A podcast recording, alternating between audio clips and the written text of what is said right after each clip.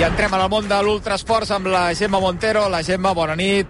Bona nit. Divendres es va acabar, per cert, la Neoma Titan Saudí Aràbia amb victòria per Enrique Morcillo en categoria masculina, per Ariadna Ródenas en categoria femenina, també punt i final a l'Everest Trail Race amb doble podi català en categoria masculina, Marc Culler, que ha estat segon, i Gerard Morales, tercer. Ha guanyat el nepalès Kuluk. En categoria femenina es va imposar la nepalesa Purga Sherpa per davant de Sònia Martín i de Núria Domínguez. Avui, però, a l'Ultrasports parlem de com un atleta consolidat pot continuar vivint de l'esport més enllà de la competició, amb un dels homes, Gemma, més carismàtics de l'atletisme espanyol, com és Xema Martínez. Doncs especialista en 10.000 metres, mitges i maratons, or europeu i dues vegades plata, que acaba de fer 52 anys. Va deixar les competicions fa força temps, el 2010 concretament, però és director tècnic, per exemple, de la revista Runners World de Martin Fiz.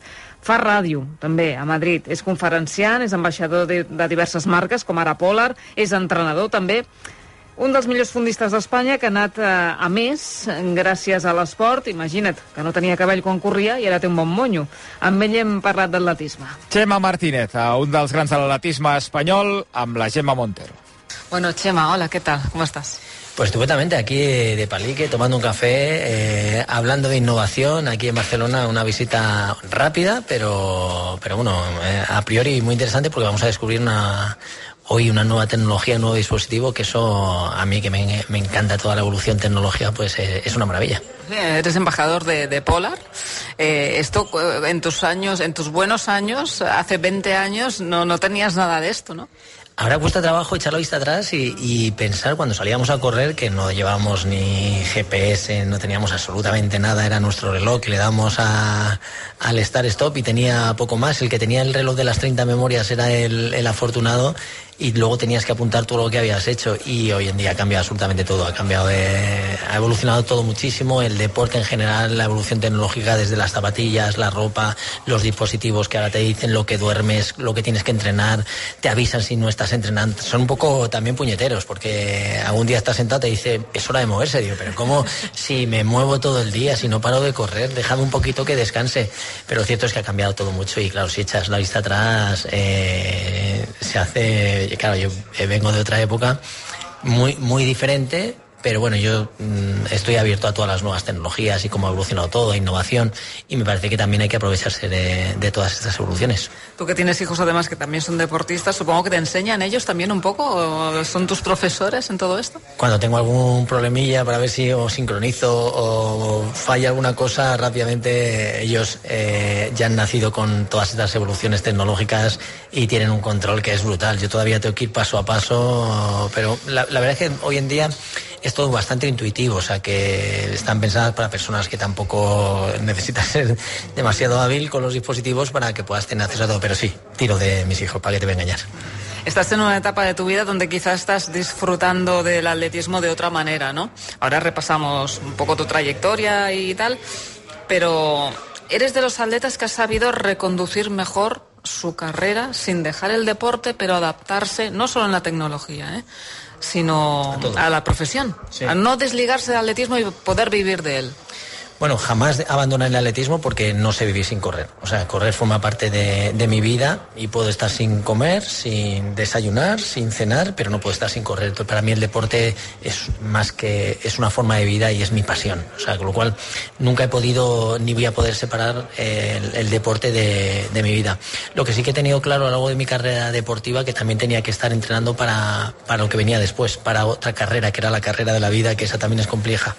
Y, bueno, me he estado formando durante muchos años y, creo que es importante no solo centrarte en la parte deportista de alto nivel, que sí que es, es difícil, es cruel, porque necesitas estar muy centrado y dedicar todo el 100% de tu tiempo, pero también es importante que hagas una, una especie de transición o, o, que te prepares para lo que viene después. Creo que sí que lo he hecho más o menos bien, me he formado, hice una carrera, tengo tres máster eh, la parte buena del deporte que te enseña que tienes que forzarte cada día y eso lo hago cada día en la vida normal, con lo cual el esfuerzo, el entrenamiento, el fijarte objetivos que he estado haciendo en mi carrera deportiva, pues lo hago ahora habitualmente y, creo que he, he conseguido hacer esa transición que es bastante dura. Un deportista que está en lo más alto, consigue medallas, que es el centro de todo, cuando eso se termina es duro, es muy duro y ahora ahora cuando he hecho mirando hacia atrás digo, ostras, es que aquí dejas de correr y el año, que, el año siguiente la gente no se acuerda de ti, no sabe quién eres, no sabe los logros que has, que has tenido.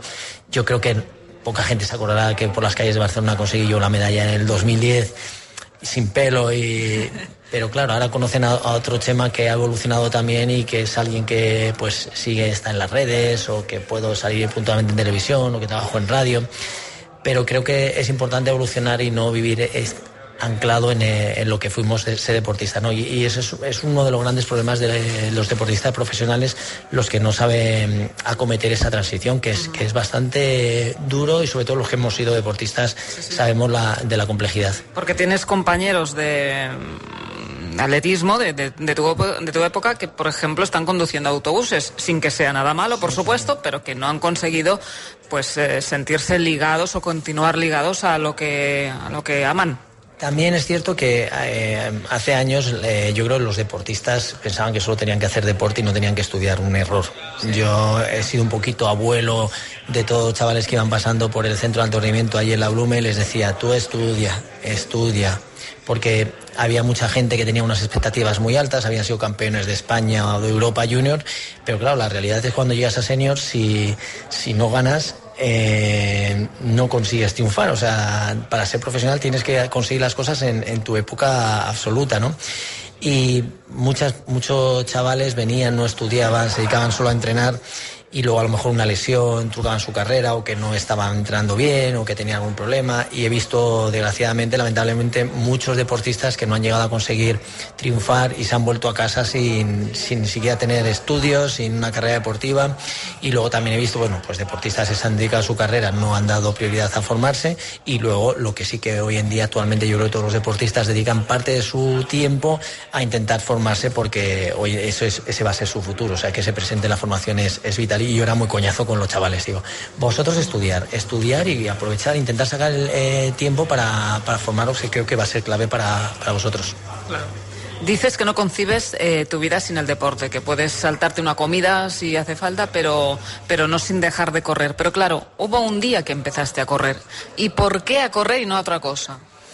Pues eh, yo creo que ya lo he contado alguna vez. Eh, yo he, sido de los niños que se ha criado en la calle. O sea, yo he practicado, terminaba el colegio, iba a casa, me zampaba un bocata de una barra entera de pan, que a veces le quitábamos el pico, de, los sabores impensables que hoy en día se hace, se hace extraño, y jugábamos en la calle. Jugábamos a fútbol, he jugado a hockey, a hockey con palos de normales baloncesto intentando meter la canasta en, algún tipo de objeto que se hacía de canasta. Una papelera. En una papelera.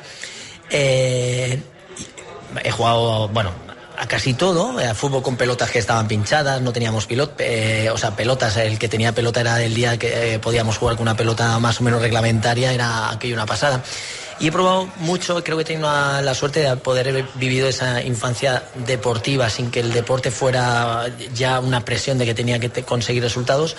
Y eso me hace recordarlo con una sonrisa. Digo, ostras, eh, tuve la suerte de jugar, jugar con el deporte cuando era un crío y claro, donde se notaba que tenía más talento era corriendo. En el fútbol no era muy bueno cuando jugábamos al béisbol o jugábamos a cualquier deporte, bueno, lo hacía normal, pero claro, me ponía a correr y simplemente yo veía que salía a correr con, con unos cuantos cuando salíamos y, siempre acababa yo solo delante y todos muy, muy detrás. ¿no? O sea que desde pequeño se veía que tenía cierto talento para correr, pero sí que el haber vivido esa infancia así muy lúdica de juego el deporte a través de, esos juegos, yo creo que me ha hecho, me hizo muy bien y, por eso siempre soy muy partidario que el deporte tiene muchas modalidades, eh, juego, salud, alto nivel, y no existe solo un deporte de, pues eso, de los campeones de alto nivel en los cuales es la, cima de la pirámide. Hay muchas más formas de ver deporte y creo que es importante que sepamos que si un hijo queda el quinto o el sexto, eh, no pasa absolutamente nada. O sea, que este, seamos conscientes que solo puede haber un campeón y, no todo el mundo, no todo tiene que ser, ser, campeón, sino que existen más formas de deporte y el deporte creo que nos hace a todos bien. Empezaste a correr y no has parado. el resumen sería ese, empecé a correr y aún no he parado, ¿no? A veces lo eh, digo a mi hijo. Es curioso, ahora tengo 52 años que he cumplido. Yo empecé a vivir en el año 90, empecé a estudiar INEF, ciencia, lo que es ahora ciencia de la actividad física y el deporte, y desde el año 90, a día de hoy, vivo de la misma manera, una concentración permanente. yo me levanto, entreno, me cuido la comida, descanso, no bebo alcohol. Y le decía a mi hijo cuando, digo, mira, Nico, tú has entrenado y papá viene de entrenar también, pero yo haciendo esto 33 años, 33 años, cada día. Y, y encima se me ilumina la cara y sonrío. No es algo que me, que me cueste. Digo, ostras, qué raro soy, qué bicho raro soy, porque también es verdad que soy raro, pero me encanta. O sea, y disfruto, y disfruto exigiéndome, llevando mi cuerpo al límite, aunque ya no corro como antes, pero, pero me encanta. Y me, lo, de vez en cuando se lo digo a, mi hijo, digo, mira, tú has hecho series, pues llevo 33 años así cada día. Y dentro de esta pasión, hace poco se cumplieron 21 años de tu oro en Múnich. ¿eh? ¿Tienes los vídeos, tienes las imágenes y eres de los que los ponen en casa y los ven en familia, los comentan, sí? Eh, en mi casa ya no me ven nada, o sea, ni eh, ya yo creo que están aburrido un poco de, mí y bueno, lo cierto es que mi hijo sí que de vez en cuando lo ha visto y les gusta ver un poco, pero la, la, gente joven de hoy en día necesita ver cosas rápidas. Si le digo que tiene que ver un 10.000, yo creo que es demasiado tiempo pero sí que es cierto que, lo vemos y lo revivo e incluso esa última vuelta de 56 segundos la he puesto en alguna ocasión. También me dedico a dar conferencias y es una parte importante también de, y es porque hay veces en cuestión de confianza, determinación, el tener claro lo que quieres. Eh, utilizo de vez en cuando algún vídeo y, bueno, sí que lo tengo y lo veo y me pega un chute de energía que, es brutal. Me cuesta trabajo cada vez más verme porque yo también he evolucionado. Hablamos, hablamos antes de los dispositivos, cómo eran, y claro, y ahora me ves a mí que antes he estado 18 años sin pelo, rapado, y ahora tengo melena, tengo barba, que también he cambiado, he evolucionado, y creo que también esa capacidad de adaptación es lo que nos hace ser lo que somos, ¿no? Y que creo que es importante también tener esa esa maleabilidad, ¿no? Para al final eh, evolucionar con los tiempos que corren. Si tienes que escoger una carrera, que seguramente esto a los periodistas nos gusta mucho preguntar, ¿cuál es eh, el mejor recuerdo? ¿Cuál es tu carrera? No sé si el oro, por ser el oro, es la que más eh, te ha marcado. mira, fíjate, Posiblemente el oro para mí fue un punto de inflexión importante porque fue mi gran salto al alto nivel y pasé de ser un atleta que prometía muchas cosas, o sea, decir, eh, eh, puede hacer, llegar a hacerlo a, plasmarlo, es una pasada. Pero yo tengo un recuerdo de Barcelona, yo cada vez que vengo a Barcelona... Hiciste plata, hiciste plata. Hice plata. Ese día, a las 7 de la mañana, 31 grados, creo que era un 73% de humedad, estaba Barcelona de gente hasta arriba, había eh, cuatro o cinco filas de gente para, animar. Y tengo una imagen que cada vez que voy corriendo o vengo aquí me pongo a, correr por ahí por la Barceloneta y, porque estuve entrenando allí eh, las semanas previas, me pega un chute de energía brutal. Y lo recuerdo, vamos, entrando ahí en la Ciudadela, que estaba la meta, los momentos esos, y esa la tengo muy especial porque era mi último tren, decir, en la maratón si no soy capaz de conseguir medalla aquí, creo que tenía 30 y iba a hacer 38 años. O sea, yo sabía que era consciente que se acababa ya mi, mi vida deportiva, estaba llegando a su fin. Y ostras, esa fue muy especial. Pero bueno, si hablo al final de mi carrera deportiva, yo creo que realmente para mí lo importante ha sido el estar tantos años a ese nivel tan competitivo. Y, he tenido la suerte de conseguir alguna medalla que no todos los deportistas la consiguen. Pero bueno, Muniz fue muy especial. O sea que en Muniz dije, hostias, eh, esto es lo que quiero. Claro, ganar y dar lo más alto del podio, pero realmente fue posiblemente mi gancho lo que me directamente me, enganchó y, me hizo seguir cada día intentando vivir más momentos como ese. Pero Barcelona fue muy especial mucho más que unos Juegos Olímpicos, aunque vivir la experiencia siempre es muy importante para un deportista, obviamente más para un atleta, mm. pero en tu caso los europeos mucho más que unos Juegos. A ver, eh, yo me ha tocado vivir la tiranía de los mejores eh, africanos de la historia. No he vivido la época de las superzapas, pero me ha tocado estar con Poltergat, con Haile Gebrselassie, Bekele, Kichoge, eh, y han sido rivales, pero no solo ellos, sino que ha habido una tiranía de atletas africanos que hacían muy complicado plantarles batalla en las competiciones. Yo lo he intentado, o sea, lo he intentado y me da igual que fueran juegos eh, campeonatos del mundo, siempre he intentado pelear con ellos, pero la realidad es que luego no podía conseguir las medallas, ¿no? los resultados que tenían en el europeo.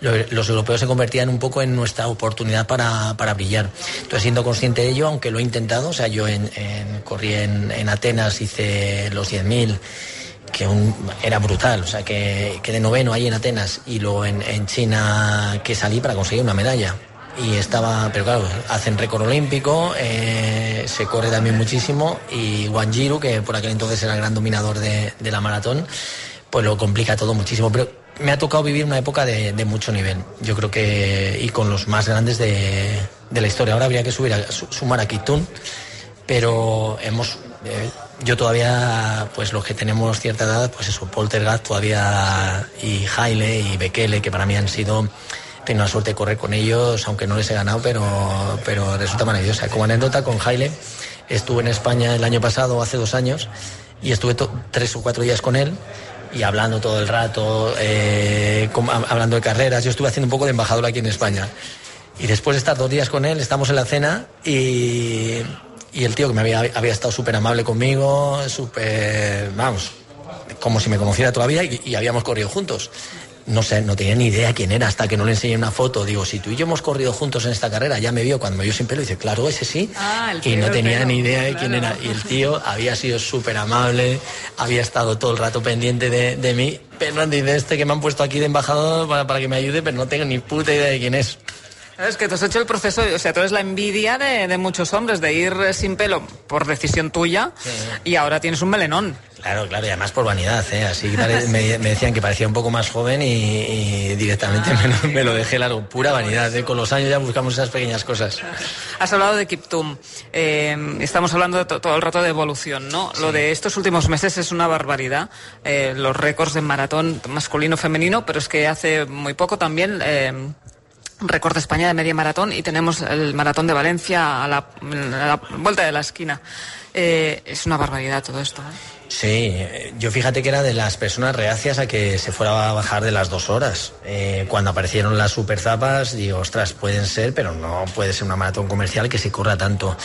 Ya hemos visto en mujeres lo que han corrido, lo de 2.11 una mujer, me parece algo de otra galaxia. A mí me parecía la noticia del año, pero claro, Kitun ha hecho 2 horas 35, también es otra de las grandes noticias de, del año, pero es, es, increíble. Lo que ha evolucionado, la subida tan espectacular, y yo que era reacio a pensar que se fueran a hacer estos registros, pues al final ha cambiado absolutamente todo, la forma de correr, estas super zapas te dan la posibilidad de eh, correr de forma diferente, si te adaptas bien al balancín ese que tienen, pues te ayuda bastante en carrera. Y claro, yo corría con una zapatilla minimalista, que yo terminábamos de correr y no podíamos subir ni un bordillo siquiera de, de los rotos que estamos. Y ahora la gente termina de correr, les ves que terminan en unos ritmos brutales y todavía son capaces al día siguiente de entrenar y con toda la normalidad del mundo. Y creo que estamos eso, eh, eh, en unos cambios muy importantes de, en el deporte. O sea, mm, no se puede comparar ya con nuestra época porque ya no puede, te dicen, oye, ¿Cuánto extrapolarías el tiempo que hacías al de ahora? No se puede, esto va a cambiar absolutamente todo. Pero a ver, tú,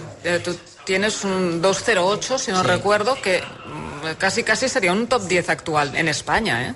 Casi casi, o un top 15. Sí, la mínima que piden, eh, el otro día además que lo estuve hablando con Carlos, la, mínima que piden es 2810. Yo tengo 2809. Imagínate. sí, o sea que no, yo creo que hoy en día al máximo nivel con las super zapas, pues estaría peleándome con los africanos igual. Reventaría igual, alguna me saldría bien, pero estoy convencido que, mi forma de, correr no la, no la cambiaría. O sea que siempre he peleado por ganar y yo creo que alguien que pelea por ganar puede ganar alguna vez. El que no nunca sueña que puede ganar y no tiene confianza jamás va a ganar. Entonces yo soy un atleta que siempre he apostado por ganar. Entonces no me conformo ni he apostado a ser un atleta por así decirlo, normal. No me conformaba a quedar sexto, octavo, yo quería ganar. Entonces creo que eso es la diferencia de diferentes atletas y lo volvería a hacer. Si hubiera, tuviera el cuerpo que tenía hace 20 años, pues seguramente estaría peleándome con, con los africanos seguro, vamos. Y todo esto que está pasando se extrapola también a los deportistas amateurs un poquito, tú que eres entrenador, es decir, eh, la tecnología, la marquitis, fíjate que hay, hay, muchas carreras que cada vez cambian su recorrido para que sean más rápidas y más competitivas. ¿El corredor amateur también tiene toda esta fiebre? Yo creo que eh, somos todos muy diferentes, entonces hay gente que sí que los que se preocupan tanto las marcas, yo creo que no es, no es la mayor parte de la población runner, ¿no? Yo creo que al final las personas normales le gusta mucho sociabilizar, buscarse objetivos de por hacer, tampoco es exigirse al máximo. ¿no? Yo creo que a las marcas le gusta ir a la última, con las tapas, con los dispositivos, eso sí, Pero yo creo en cuanto a el volverse locos con el entrenamiento, con las marcas, no, porque lo hace difícil. Cuando vas buscando tus límites, te encuentras con el muro. Tienes muchas más opciones de que te salga mal. Entonces yo creo que la gente utiliza el deporte como vía de escape, como hobby. Entonces tienes que incorporar a, tu vida de esa manera. Y yo, por lo que veo e intuyo, cada vez hay más gente de nivel, a lo mejor más deporte salud, que buscan hacer carreras, pero más social. Y realmente la gente que se preocupa por tantas marcas y todo, bueno, es ahí también porque tiene que haber de todo, pero no es tanto como la gente que socializa. O sea, es increíble la cantidad de gente que corre. Si me lo dices a mí hace 30 años que íbamos a, a, ver lo que vemos ahora, no lo creo. Es brutal en todas las carreras. El otro día en Bilbao 12.000 personas corriendo, en Valencia tantos mil, o sea, es en todos los lugares. Y claro, eh, sí que es cierto que hay citas como Valencia que la gente quiere hacer marcas y aprovecha para decir, oye, vamos a aprovechar una maratón desde que es plana, que tiene todos los requisitos para hacer marca y ya aprovechamos. Pero creo que hay de todo. Al final es difícil establecer a lo mejor un, un patrón de, de cómo es el corredor porque tú y yo somos diferentes. A mí todavía me sigue importando la marca y a lo mejor dices tú, oye, es que a mí la marca me da un poco igual. Yo lo que quiero es ver que me he esforzado y que he terminado la carrera y con eso me siento bien. Y como somos tú y yo diferentes, pues todo el mundo pasa igual. Exacto. Ha habido un boom efectivamente, ¿no? Desde hace unos años, ahora quizás se ha estancado un poco más, pero no solo sobre asfalto, sobre ruta, ¿eh? también en el tren, en la montaña. Tú has probado un poco de todo. Sí. ¿eh? A ti te encantan las aventuras, pero en la Antártida, en el La desierto. última, te he contado la última que... No, tengo. cuéntamela, cuéntamela. Pues bueno, mi, que todavía al final ni, ni lo había contado. Mi primer gran reto para el 24 va a ser que voy a hacer el Campeonato del Mundo de Raquetas de Nieve. ¿Qué dices? Sí, en, en Picos de Europa. Este año va a ser sede del Campeonato del Mundo. Y allí en Fuente D. Y voy a hacerlo el campeonato. Todavía me hace ilusión vivir el deporte. A ver, correr un 10.000 o una maratón, ya sé lo que es, eh, que es concentración pura y dura, un 5.000, desde el primer metro hasta el último al 100%. Eso ya lo he vivido. Y ahora busco nuevos retos. He corrido eh, pues en, las en la jungla, en la selva, por volcanes, en el desierto. Y ahora busco estímulos un poco que, se salgan de lo que está haciendo toda la vida. Y sin esa exigencia de- del reloj. Al final es que la tiranía del reloj eh, es cruel. Y, y bueno, pues eh, fíjate, raquetas de nieve. Voy a hacer este año como objetivo y a ver qué tal. Eso me motiva. Son 10-12 kilómetros, creo que es la prueba, que lo puedo hacer bien y necesito estímulos de ese tipo que son los que me, me excitan y me provocan el subidón de, de energía. ¿Mejor frío que calor? No, Siendo madrileño. No, no, calor, calor. Soy de calor. Soy de, me encanta el, el- el sol. eh, en cuanto puedo me despeloto. O sea que el, el calor, yo con calor. Bueno, pues eh, que vaya muy bien este 2024 en todas tus facetas. ¿eh? Eh, si es con raquetas de nieve, pues adelante. Y que seas espectador también de todo lo que está por venir, que es, que es mucho y, y después de lo que ha pasado estos últimos meses, pues eh, yo siempre digo, hay que hacer palomitas para ver eh, todo lo que nos espera en el año que viene. Sí, al final no sabemos ¿no? lo que nos va a deparar y bueno, y además el 2024 que va a ser año olímpico, que todavía estoy pensando, porque ya me han retado, como soy de retos, pues que, que vaya a correr la maratón olímpica, que, es, que está, bien, está abierta y... ¿Sí? ¿Te, te Ya me han apuntarías? conseguido, sí, ya me han conseguido dorsal, con lo cual... la- Bueno, bueno, se vamos a ver a Chema Martínez en París 24. Eso- esas cosas me seducen. A lo mejor si estoy bien y va toda la preparación o, tengo estos, estos meses sin problemas, pues lo mismo digo, oye, pues, pues la hago y por lo menos salir con otra vez, que seguramente me vendrá a la, a la mente todo lo vivido en unos Juegos Olímpicos que es que es súper bonito. Entonces, bueno, así que lo mismo, todavía el, el 24 con esos Juegos Olímpicos, lógicamente que es el gran objetivo deportivo, el gran acontecimiento mundial del año, pues nos, nos hará estar a todos pendientes y a ver si lo puedo vivir desde dentro. Pues muy bien, Chema, salud y kilómetros. Eso, eso siempre. Salud sobre todo. ¿eh? A estas alturas ya casi primero salud. Menos kilómetros, pero mucha Un salud. poquito menos kilómetros, però más salud. Bueno, muchas gracias. No, un placer. Xema Martínez amb la Gemma Montero en aquesta conversa interessant. Atenció, eh, raquetes de neu, proper repte també pel Xema Martínez i l'opció de veure la Marató Olímpica de París, no a la que donarà les medalles, sinó una paral·lela que, que s'organitza, però allà també podem veure en Xema Martínez en aquesta Marató de París. Ara sí, Glenn Miller, quan vulguis.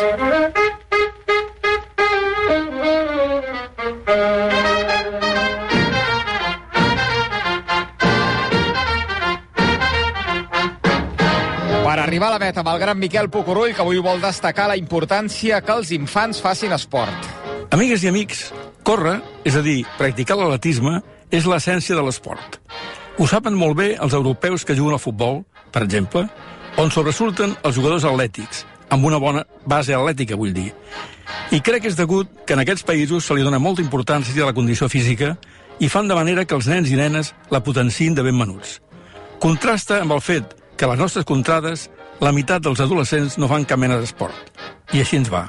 Faig aquest preàmbul per destacar que una jugadora de 19 anys del Barça femení, la Salma Paralluelo, que està triomfant a passos gegantins, va ser atleta abans que futbolista. Els seus pares, ell català i ella guineana, van veure la necessitat de que fes esport molt aviat i va començar a fer atletisme als 6 anys. Ha estat diverses vegades campiona d'Espanya juvenil i ha guanyat 5 cops la Gent Bon de les seves categories. El 2019, amb només 15 anys, es va convertir en l'atleta més jove de la història de l'atletisme espanyol en aconseguir una medalla en categoria absoluta en els 400 metres i la millor marca sub-18 a nivell mundial. Es va decidir pel futbol i el camp dona gust veure-la córrer. És més ràpida que cap altra i marca gols per donar i per vendre. L'altre dia, 4 en mitja hora en el partit contra el Sevilla. Al meu parer, conseqüència de la formació en atletisme que té. Fins al cap de setmana que ve, correu o corrinyeu molt. Doncs, com sempre, fer-li cas al Miquel Pucurull. La setmana vinent més, setmana vinent tenim la gent eh, Buen a Barcelona, organitzada per Mundo Deportivo. Gràcies, Gemma. Fins eh, la setmana que ve. Fins la setmana que ve.